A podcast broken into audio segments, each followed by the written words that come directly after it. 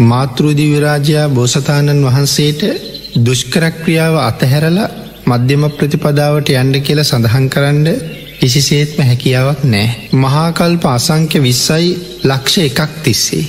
මේ සංසාරයේ තවත් කෙනෙකුට හිතාගණ්ඩ බැරි තරන් නොවිදුනා දුක්කන්දරාවක් වින්දේ ලොවතුරා බුද්ධරාජ්‍ය ලබාගණ්ඩ අවශ්‍ය පාරමිතා පූරණය කරන්න. එකැන් ඒ හෙව්වේ බුදු බව ලබන්නේ කොහොමද කියන මාර්ගය.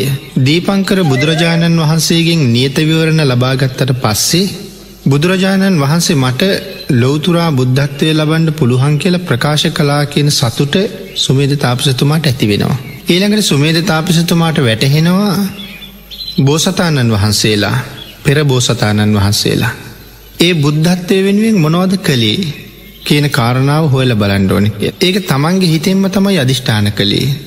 හැම පැත්තෙම බැලුව කොහෙන්වත් ඒකට පිළිතුරක් තියනවාද කියලා කොයි පැත්තෙන්වත් පිළිතුරක් නෑ. ඊළඟට තමයි තමන්ගේ හිතෙන්ම මෙනෙහි කරන්න පටන්ගත්තේ. පෙර බෝසතාණන් වහසල කොහොමද කටයුතු කළේ. තමන්ටමයි වැටහෙන්ඩ පටන්ගත්තේ පෙර බෝසතාණන් වහන්සේලා දසපාරමිතාවක් සම්පූර්ණ කළා.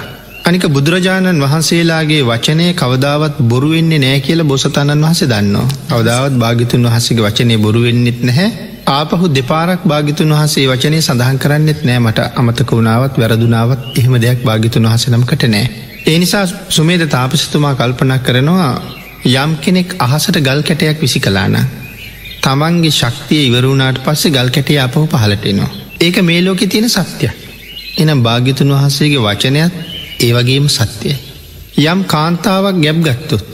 නිරුපද්‍රිතව දරුව වැඩුනනං ඇයට අනිවාරයම ඒ ගැබ හෙලන්ඩම නැතන් දරුව බිහි කරන්නම වෙනවා භාග්‍යතුන් වහසගේ වචනත් ඒ වගේම සත්‍යයයි.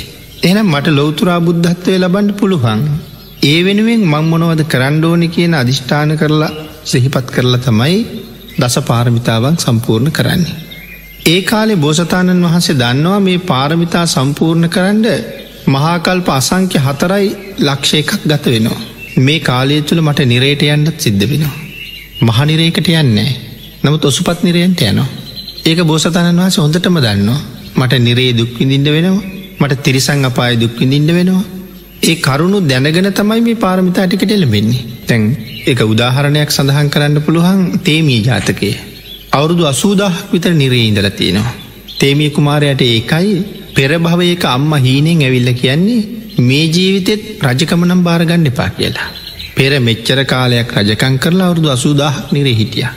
ඒ නිසා අය රජකම භාරගන්න එපා. තේමිය කුමාරයත් ආං ඒක නිසා දාසය අවුරුද්දක් වෙනකං.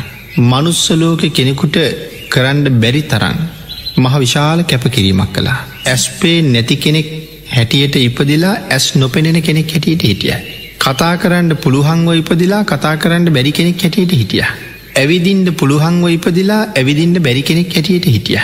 එන ඇස්පේෙන් නැති කතා කරන්න බැරි ඇවිදින්ට බැරි ලෙඩෙක් හැටියට හිටියේ ඒ හැකියාවන් තියාගෙන. රජ්ජුරු හරියට දඩුවන් කළා. රජ්ජුරු එක කාලෙක වසරක්ම මළමූත්‍රා ගොඩේම තියල තිබ්බා.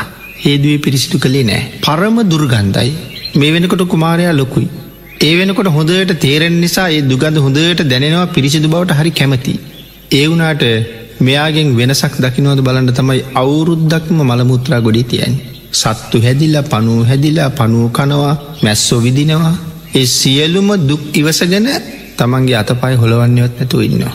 වසර මොන කැපකිරීමක්ද කියන එක ඒ අපිට හිතාගණ්ඩුවත් බැරිතර. ඉට පස රජ්ජුරුව ඇඳ උඩ තියලා යටින් ගිනි කබල් තියෙනවා. දිය පොක්කලංමත් වෙනවා. තේමිය කුමාරය කල්පනා කරන්නේ අවීචයේ දුක මීට වඩා බොහෝම භයනකයි. ඒ තරං මහා දුක්කක් කන්දයකින් ගැලවෙන්ඩ හදන මට මේක දුකක් නෙමෙයි. එනිසා ඒ දුක විඳිනවා. මේ වගේ දුක් කන්දරාවක්ම විඳින්ට දෙනවා. මුළු ශරීරයේ පුරාම පැණි ගානවා. එතකොට මැස්සවාගේ සත්තු පැණිගණ්ඩවිල්ල විදිනවා. කූබිවාගේ සත්තු ඇවිල්ල කනවා. නමුත් බලනවා කෑ ගහනවාද කියලා. දඟලනවාද කියලා. කෑගහන්නේ දඟලන්නේ නැතුව ඉන්නවා මේ දේවල් කරන්නේ කෑගහනවද දඟලනවාද මෙයා මේ කරන්නේ ඇත්තත්ද බොරුවද කියල බලන්ඩ.